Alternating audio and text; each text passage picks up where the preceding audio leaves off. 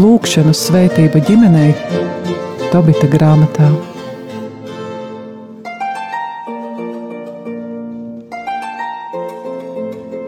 Slavēts Jēzus Kristus. Mūžīgi mūžos slavēts, Kristus ir augšām cēlies. Patiesi augšām cēlies. Ka varētu mēs pat tā sasveicināties jau šo lieldienu laiku. Studijā ir Stela un Anģela. Kā turpināsim lasīt Tobita grāmatu, kur gan drīz jau ceturto nodaļu pabeidzām un lasījām, kā Tobits dod dēlam ceļa maizi. Varētu likties, kā tur ceļa maizi viņa plika un nabaga. Nē, viņš dod viņam atgādinājumu.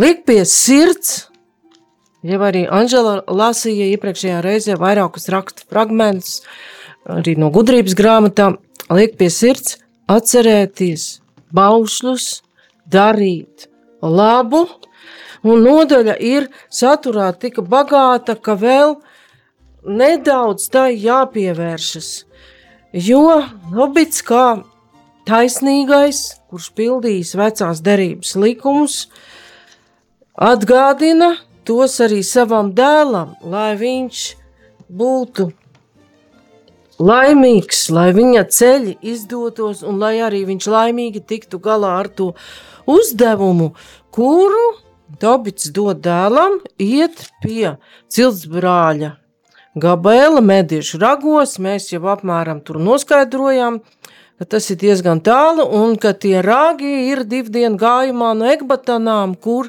ir sāra nelaimīga par savu likteni.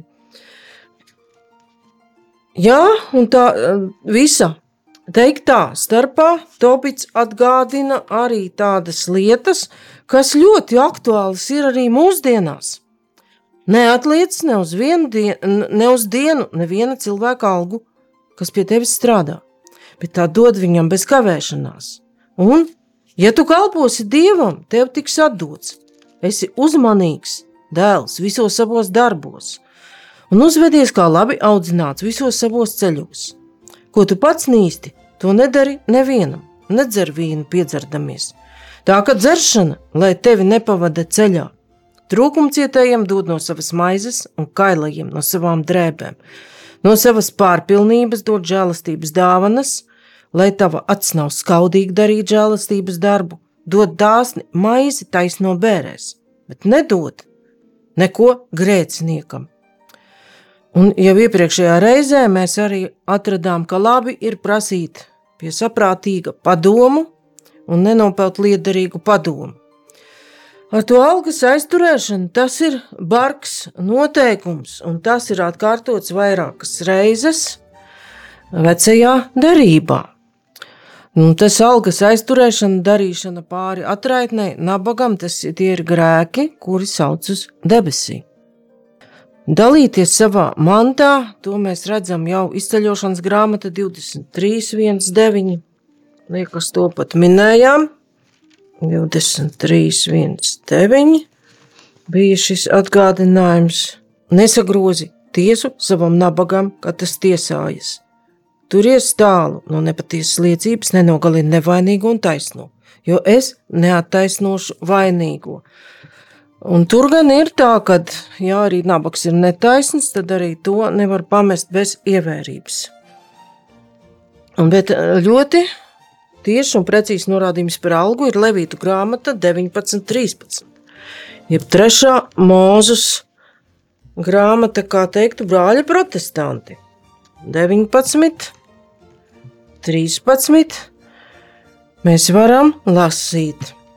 Tev nebūs pievilkt savu tuvāku, un nebūs viņu aplaupīt. Tava algāģa algai nebūs pie tevis palikt pa nakti līdz rītam.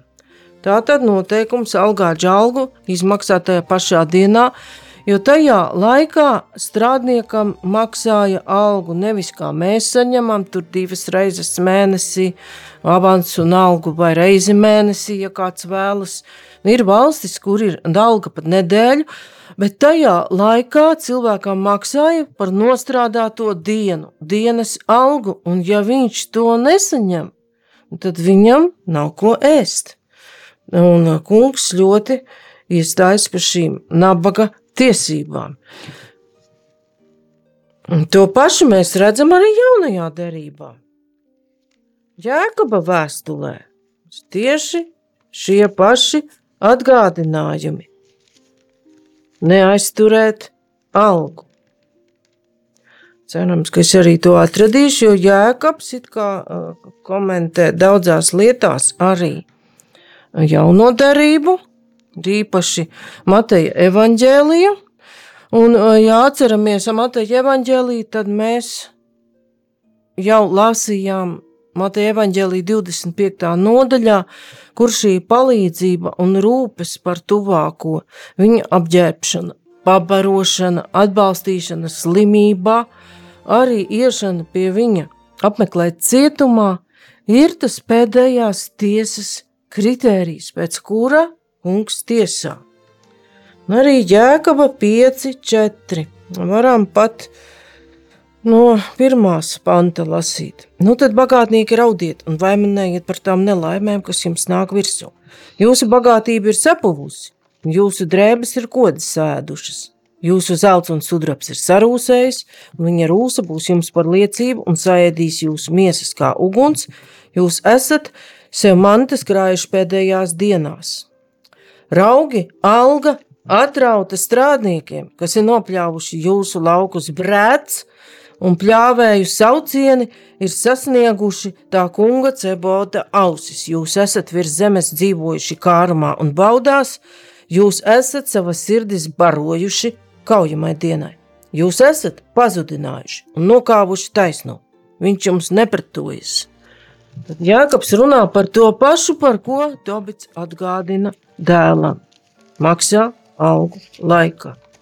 Un turpinājumā Tur uh, pateikts, Tevs saka tobiem, pie ikviena saprātīga meklē padomu un nekādu liederīgu padomu nenopel. Ik brīdi slavē kungu dievu un no viņa izlūdzies, ka tavos ceļos tev labi veiktos un visas tavas takas un nodomi labi sekmētos tādēļ, ka nevienam citautietim nav padoma, bet kungs ir tas, kas dod visu labo, un kuru vien viņš grib, to pazemo pēc savas gribas. Un šeit mēs varētu arī izlasīt vēl no uh, Sirha gudrības grāmatas no 32. nodaļas, kas kunga bīstas audzināšanai ļaujas, kas agri ceļas gūs viņa labvēlību, kas iedziļinās bauslībā, apgūst to, tur pretī liekulis jūtīsies aizvainots. Kas kunga bīstas, uzmeklēs spriedumu un viņa prasīto iedegs kā gaismu. Turpretī grēcinieks atraida pamācības un meklē spriedumu pēc sava prāta.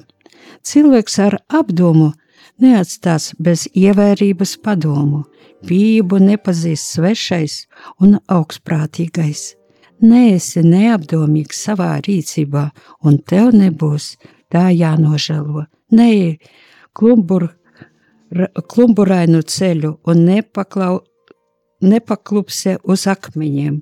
Nepaļaujies uz gludu ceļu un savu bērnu piesargies. Visā, ko dari, uzticies savai sirdī, jo tā rīkoties nozīmē ievērot baušļus.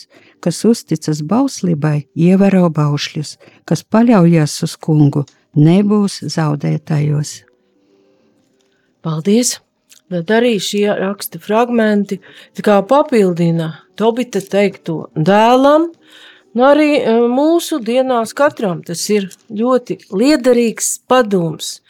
Ieklausīties kompetentu, zinošu cilvēku padomā, jo mēs nevaram būt gudri visās lietās. Un Dievs ļoti bieži mums dod tos cilvēkus, kurus var dot labu padomu, un lai mūsu ceļi labi izdotos.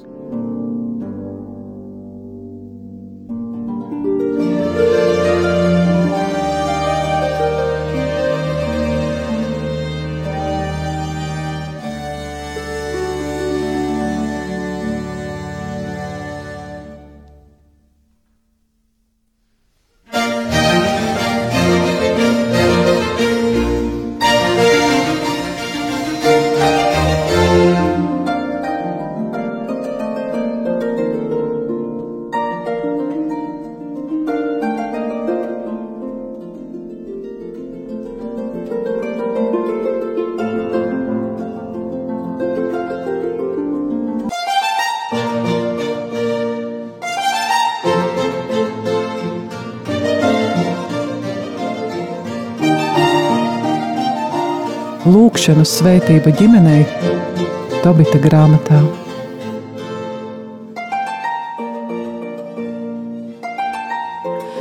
Šī ceturtā nodaļa pat nobeidz tādu uzaicinājumu. Nebaidies, dēls, ka esam kļuvuši nabagi. Tev piederēs ļoti daudz laba. Ja vien bīsies dieva un bēgsi no jebkura grēka un darīsi to labāko dieva sava kunga priekšā. Un kas ir tas labākais? Mēs jau iepriekš to redzējām šajās, šajos Tobita padomos. Uzklausīt padomu, rūpēties par trūcīgo, maksāt laikā algu. Tur vēl bija arī tādi sadzīviski norādījumi, tā kā teikt, nenodoties pārmērīgai dzeršanai. Un par ko runā arī Pāvils vēstulē Efeziešiem, bet to visu mēs šoreiz to neskatīsimies. Bet ir tāds īsts izteikums, kas varbūt liekas tāds jocīgs. Dod dāsni maizi taisno bērēs, bet nedod neko grēciniekiem. Un kā pēkšņi kaut kam nedoties. Nu, tur arī ir aicinājums dēlam ievērot likuma prasības, vecās derības likumu, taisno bērēs. Jo ebrejiem bija paradums, ka viņi gāja pie cilts brāļa. Uz bērēm viņi ņēma līdzi nes viņam sēru ēdienu. Bet asīriešiem bija paradums arī dalīties ar ēdienu, bērēs, kas ir viņu pagānu tradīciju bērēs, jau citā kontekstā, ka tad jau tas ēdiens jau piederēja pagānu dievībām. Tāpēc arī viņš atgādina, ka uh, nebiedrojies ar citas ticības ļaudīm. Šeit arī ne tikai ticības, bet arī citas ticības, bet arī tie um, mums ir no Mateja evaņģēlija vārds – par kalpošanu diviem kungiem. Jā, es jā, jau lasīju viņu jā. iepriekš, jā, bet gribēs vēl izlasīt šodien. Neviens nevar jā. kalpot diviem kungiem. Vai nu vienu tas ienīdīs un otru mīlēs, vai arī vienam izdevās un otru nicinās. Jūs nevarat kalpot dievam un mamonam. Paldies! Jo tā arī ir, ja kādā lietā, kas vēl nav saistīta ar šo mamonu, jau cilvēks ir piekāpies kādai no asīriešu tradīcijai vai citas eh, babiloniešu pagāniskajā tradīcijā, viņš ies arī tālāk un viņam iznāks, gribot, negribot, šī kalpošana diviem kungiem. Bet tagad jau mēs varam. Mums arī dod, dod šodien jā, jau Dieva vārds, ja mums dod evaņģēlijs, uz kuru mēs varam pamatoties, ja, un mums daudz neko nevajag meklēt, kā tikai lasīt un uh, dzirdēt, klausīties jā, to Dieva vārdu un pildīt to, ka, uz ko mēs esam aicināti. Paldies! Tagad mēs varam jau doties uz piekto nodaļu, kad Tobijs atbildēja savam tēvam Tobitam sacīdams: Visu, ko tu man esi līdz tēvs, es darīšu. Bet Tobijam rodas praktiskas dabas jautājumi, un arī šajā nodaļā uh, ir tā, ka ir tāds notikumu izklāsts, un vairāk pievērsīsimies tiem personāžiem, īpaši Rafēlam, kas tad īsti ir eņģeļi. Un arī šeit sākumā nedaudz iznāk ieskatīties vēsturiskās lietās, lai kā tas negribētos, bet kā gan es varēšu paņemt no viņa sudrabu? Viņš taču nepazīst mani, un es nepazīstu viņu. Jo tas taču ir noticis Gabēls mēdīšu ragos, to sudrabu paņēma glabāšanā pirms 20 gadiem. Un to bija jautā ļoti loģiski. Kādu zīmi lai dodu viņam, ka viņš man pazīst un dotu man sudrabu? Arī ceļu uz mēdīšu zemi katru noiet, es nezinu. Tobits atbildēja Tobijam, savam dēlam. Viņš man ir iedevis roku, savu roku rakstīt līgumu, un es viņam esmu iedevis savējo. Un es to sadalīju divās daļās un mēs katrs paņēmām savu daļu, un es to noliku kopā ar sudrabu, un redzi, tagad ir pagājuši 20 gadi kopš noguldījis sudrabu, un nu dēls sameklē sev uzticamu cilvēku, kas ietu kopā ar tevi. Mēs viņam samaksāsim algu, kad tu pārnāksi mājās, tā ka atved šo sudrabu no Gabaela.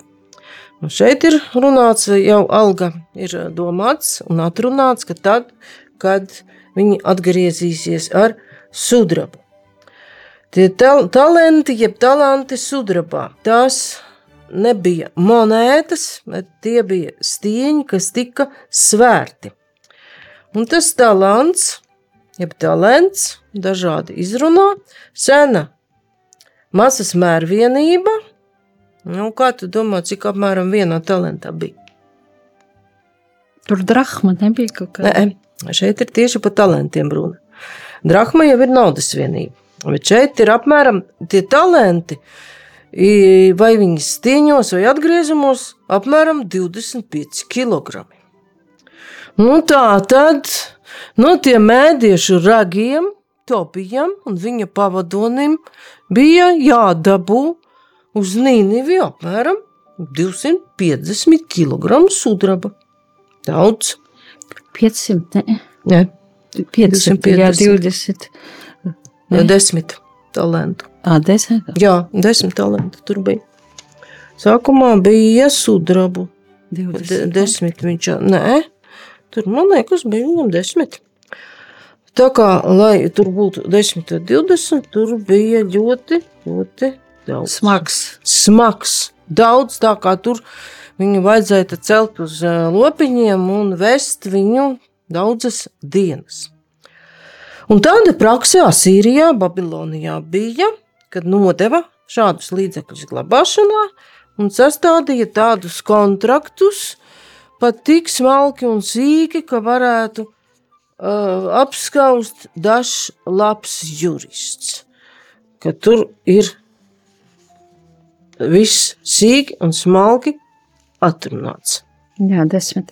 Jā, Bet eh, šeit tagad eh, mēs turpinām, jā? Jā. Mēs turpinām, iet- eh, jā, izlasīt. jā, pa- meklē to Jā, pavadoni. pa- meklē Vajadzīgs ir pavadoni. Jā, un tagad. Un to bija izgāja meklēt cilvēku, kas ietu ar viņu uz mediešu zemi un zinātu ceļu turp. Izejot, viņš satika eņģeli Rafaelu, stāvam viņa priekšā, bet viņš nezināja, ka tas ir Dieva eņģelis un jautāja viņam. No kurienes tu esi, jaunekli? Un tas viņam sacīja, no Ezra, Izraēla dēliem, taviem cilts brāļiem, un esmu šeit ieradies, lai nopelnītu iztikai. To bijis jautāja, vai tu zini ceļu uz mediešu zemi?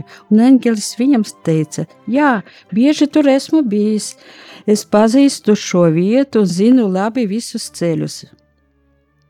Bieži esmu devies uz mediešu zemi un nakšņos pie mūsu brāļa Gabriela, kas dzīvo Ragos mediešu zemē, ko no Ekbatanas šķir divu dienu gājums, jo rag, ragi atrodas kalnos. Un Tobis viņam sacīja: Uzgaidi mani jaunekli, kamēr es aizēju pie tēva un viņam izstāstu, jo man vajag, lai tu nāktu ar mani. Es tev par to maksāšu algu. Paldies! Un, uh, viņš sacīja, Eņģelis Rafaels teica, uh, Tobitam, Tobijam, ej, es pagaidīšu, tikai nevilcinies.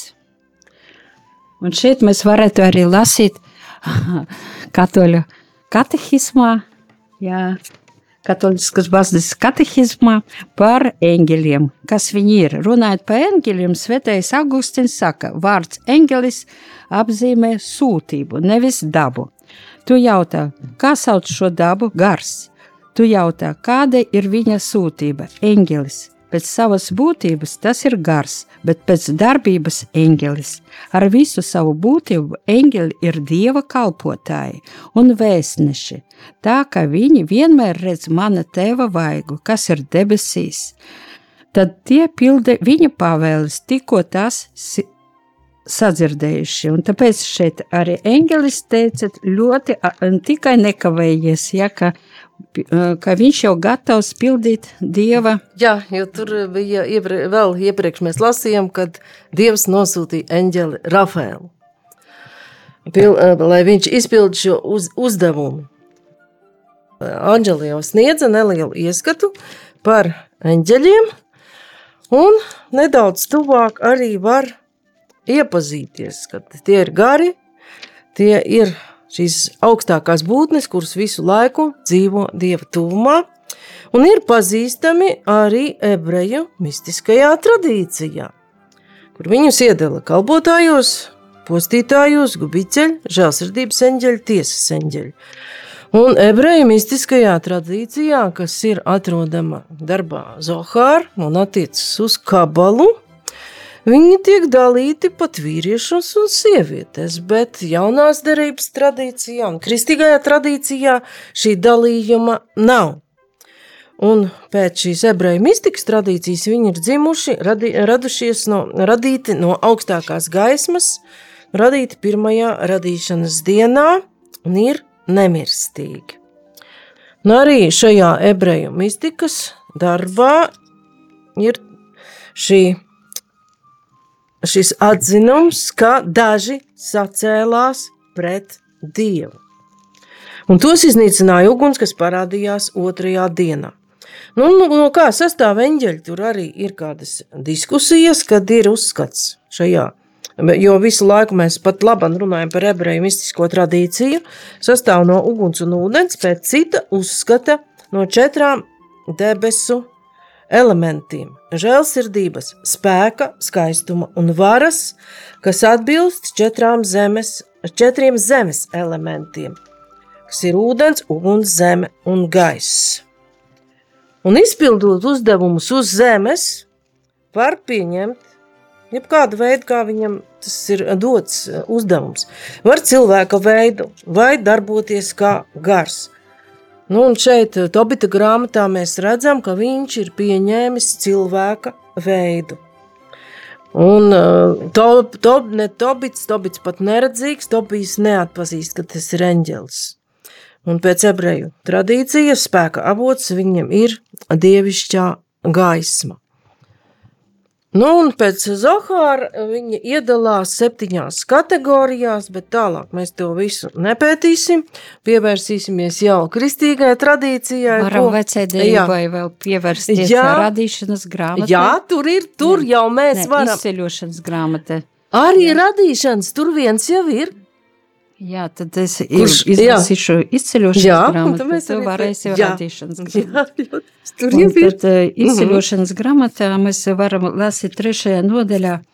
Mūzus ganīja savas sievas tēva Midijāna priesteri Jetrus avis. Viņš dzina avis pāri tūkstnesim un nonāca pie Dieva kalna Horeba, un ugunsliesmā viņam parādījās kunga eņģelis no ēršķu krūma.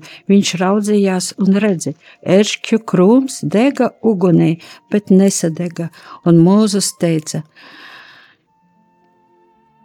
Piešu iela apskatīt šo lielu parādību, kāpēc ēršķu krūms nesadeg un kungs ieraudzīja, ka viņš nāk klāt, lai redzētu, un Dievs sauca viņam no ērkšķu krūma vidus - mūzu, mūzu, un tas teica, es te. Tad viņš teica, netuvojies, noejas sandalis no savām kājām, jo vieta, kur tu stāvi, ir svēta zeme. Paldies!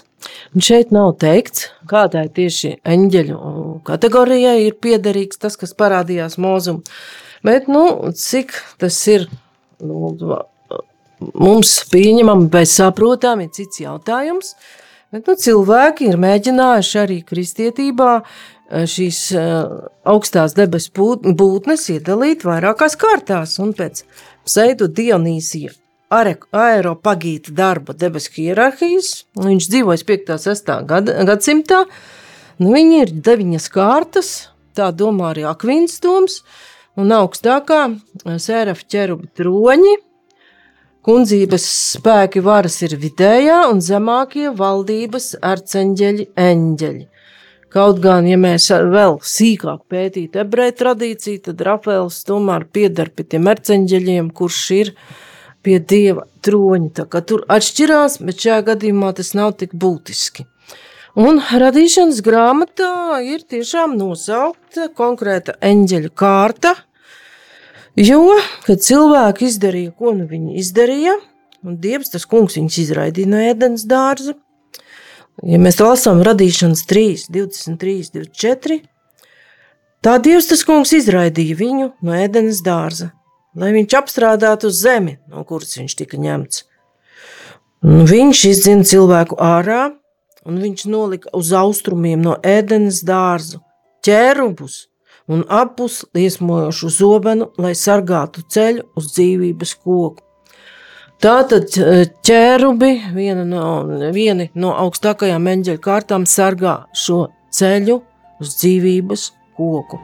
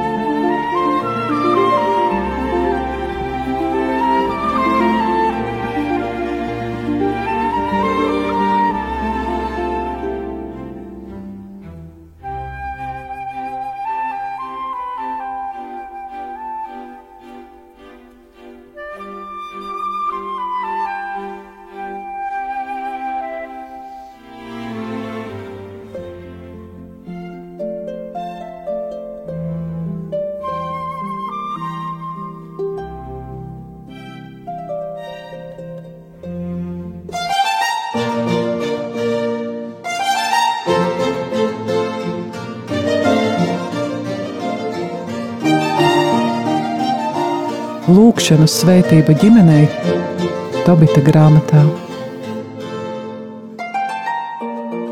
Vecajā derībā mēs vēl vienu eņģeļu kārtu zinām. Īsais runā par citu, arī augstāko eņģeļu kārtu. Un tur šis sauciens ir pat jaunajā derībā līdz misai atceļojis. Īsais grāmatā sestā nodaļa no otrās panta, ja lasām, sērafa lidinājās par viņu. Un tur ir tas, kad ir apraksts, kad kungs sēž uz augsta celta troņa. Tiem katram bija seši spārni, un diviem sērafs apsēd savu vaigu, ar diviem kājas, ar diviem viņš lidoja. Tie nemitīgi sauca cits cita šos vārdus: Svēts, svēts, svēts ir tas kungs Cebauts. Visa zeme ir pilna viņa godības. Un pravietis ir izbijies. Un tad ar eņģeli, ar šo zērafu, ar, un, jā, un tas nav tas pats, kas lido cits, tad pielidoja man klāt viens serafs. Viņam rokā bija kvēlojoša ogla, ko viņš ar lūkšām bija paņēmis no altāra. Ar to viņš aizskāra man muti un teica, redzi, tai aizskarot tavus lūpas, tavs noziegums ir deldēts, un tavi grēki piedoti. Tātad izsais tieši ticies ar zērafu, vienu no augstākās kārtas eņģeļiem. Un šeit vēl mēs varētu pārdomāt vēl vienu interesantu uh, lasījumu no Jāņa evaņģēlija. Uh, tas ir Jēzus sarunā ar Nikodēmu. Trešās nodaļas bija kāds cilvēks starp farizējiem vārdā Nikodēms, viens no jūdu varas vīriem.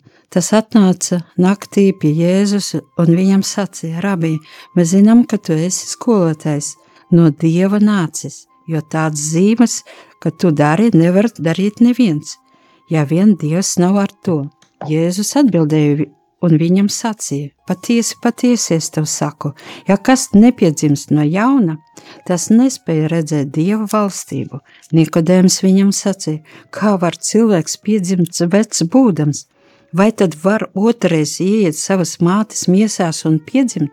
Jēzus atbildēja, patiesi, patiesi es tev saku, tas, kurš nepiedzimst no ūdens un gara, nevar ieiet Dieva valstībā, kas piedzimis no miesas ir miesa, un kas piedzimis no gara ir gars. Nebrīnīs, ka es tev sacīju, jums jāpiedzimst no jauna, vējš pūš, kur grib, un tu dzirdi tā skaņu, bet tu nezini, no kurienes tas nāk un kurp tas iet. Tā ir ar katru, kas piedzimis no gara. Nikodēms viņam jautāja, kā tas var notikt. Jēzus viņam atbild, atbildēja, tu esi Izraēla skolotājs, un tu to nezini? Patiesi, patiesi es tev saku, mēs runājam to, ko zinām, un liecinām to, ko esam redzējuši, bet jūs mūsu liecību nepieņemat. Ja es jums runāju par zemes lietām, un jūs neticat, kā jūs tie, tie ticēsiet tad, kad es runāšu par debes lietām, jo neviens nav uzkāpis debesīs, kā vienīgi tas, kas no debesīm nokāpis, nokāpis cilvēka dēls. Un šeit arī, kā eņģeļi, tie ir kalpotāji, jā, dieva dēli un svētie. Jā, varētu arī tā teikt, un eņģeļi jaunā derībā ir die, pie, klātesoši vairākās vietās.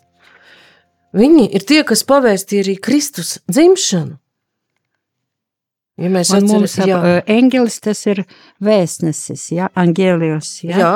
Un, un tā vairāk mums ir pazīstami, mēs jau runājam, laikam Mikelis, Gabriels un Rafaels. Jā, ja. jā. Un Gabriels iet, iet, ir sūtīts pie jaunas Marijas un pasludina pestītāju dzimšanu. Un pie augšām celšanās arī ir eņģeļi klātesoši. Un interesanti ir tas, ka dažkārt ir tā, ka uh, kāds moments ir visos trijos līdzīgajos, jeb sinoptiskajos evaņģēlijos, un, teiksim, Jāņa evaņģēlijā nav. Bet pie augšām celšanās eņģeļu klātbūtne, un tur nav teikts, kā viņus katrus sauc, viņi ir visos četros eņģeļu vēsts gadiem. Jā, tas bija jā. Lūkas evanģēlijā otrajā nodaļā. Tajā pašā Fidugāniem nomoda zem klājas debesis sargāja savus ganāmpulkus un kunga eņģelistiem. Piestājās kunga godība, viņus apmirdzēja, un tie ļoti izbijās. Eņģelistiem sacīja: Nebīsties, redziet, es jums pasludinu lielu prieku, kas būs visiem ļaudīm, jo jums šodien Davida pilsētā ir dzimis pestītais, kas ir Kristus kungs. Paldies! Un, ja nemaldos, man tagad ir tas laika ierobežojums šķirt Mateja evaņģēlijā, arī eņģeli sapnī redz Jāzeps, ka viņš gatavojas Mariju atstāt, un eņģels viņu stiprina, kad nebīstis. Un, ja mēs jau tikām pie augšām celšanās, nu, piemēram, Jāņa Vangelijas, kurš ir ļoti atšķirīgs no tiem pārējiem trījiem, arī tur 20. nodaļa, 12. pants. Marija stāv ārā pie kapa priekšā un raud, un raudādam ieliec kapā. Un ko viņi tur redz? Redz tur sēžam divus eņģeļus, baltās drēbēs, vienu galgalī, otru kaigalī tajā vietā, kur bija gulējušas Jēzus miesas. Divi, un arī, arī jā. mēs atceramies, kā pasludinājums par Jāņa Kristītāja piedzimšanu. Jā. Es esmu Zaharijas atceņģelim. Kā es to zināšu? Es esmu vecs un mana sieva jau krietni gados. Engels viņam atbildēja, es esmu Gabriels, kas stāv Dieva priekšā un esmu sūtīts tevi uzrunāt un nest tev šo prieka vēsti. Un redzi, tu būsi mēms un nevarēsi parunāt līdz dienai, kad tas notiks. Tādēļ, ka tu neticēji maniem vārdiem, kuri savā laikā piepildīsies.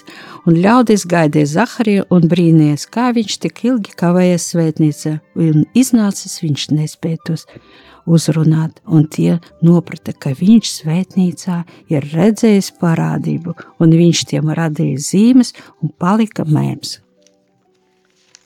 Paldies!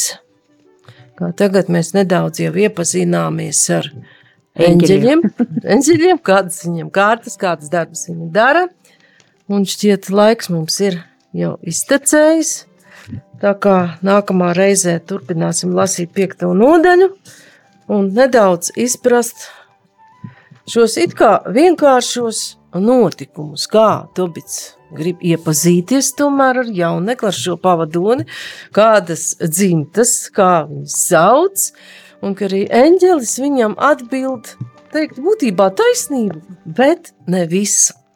Bet par to nākamajā reizē. Šodien paldies par uzmanību. Studijā bija Stela un Ančela.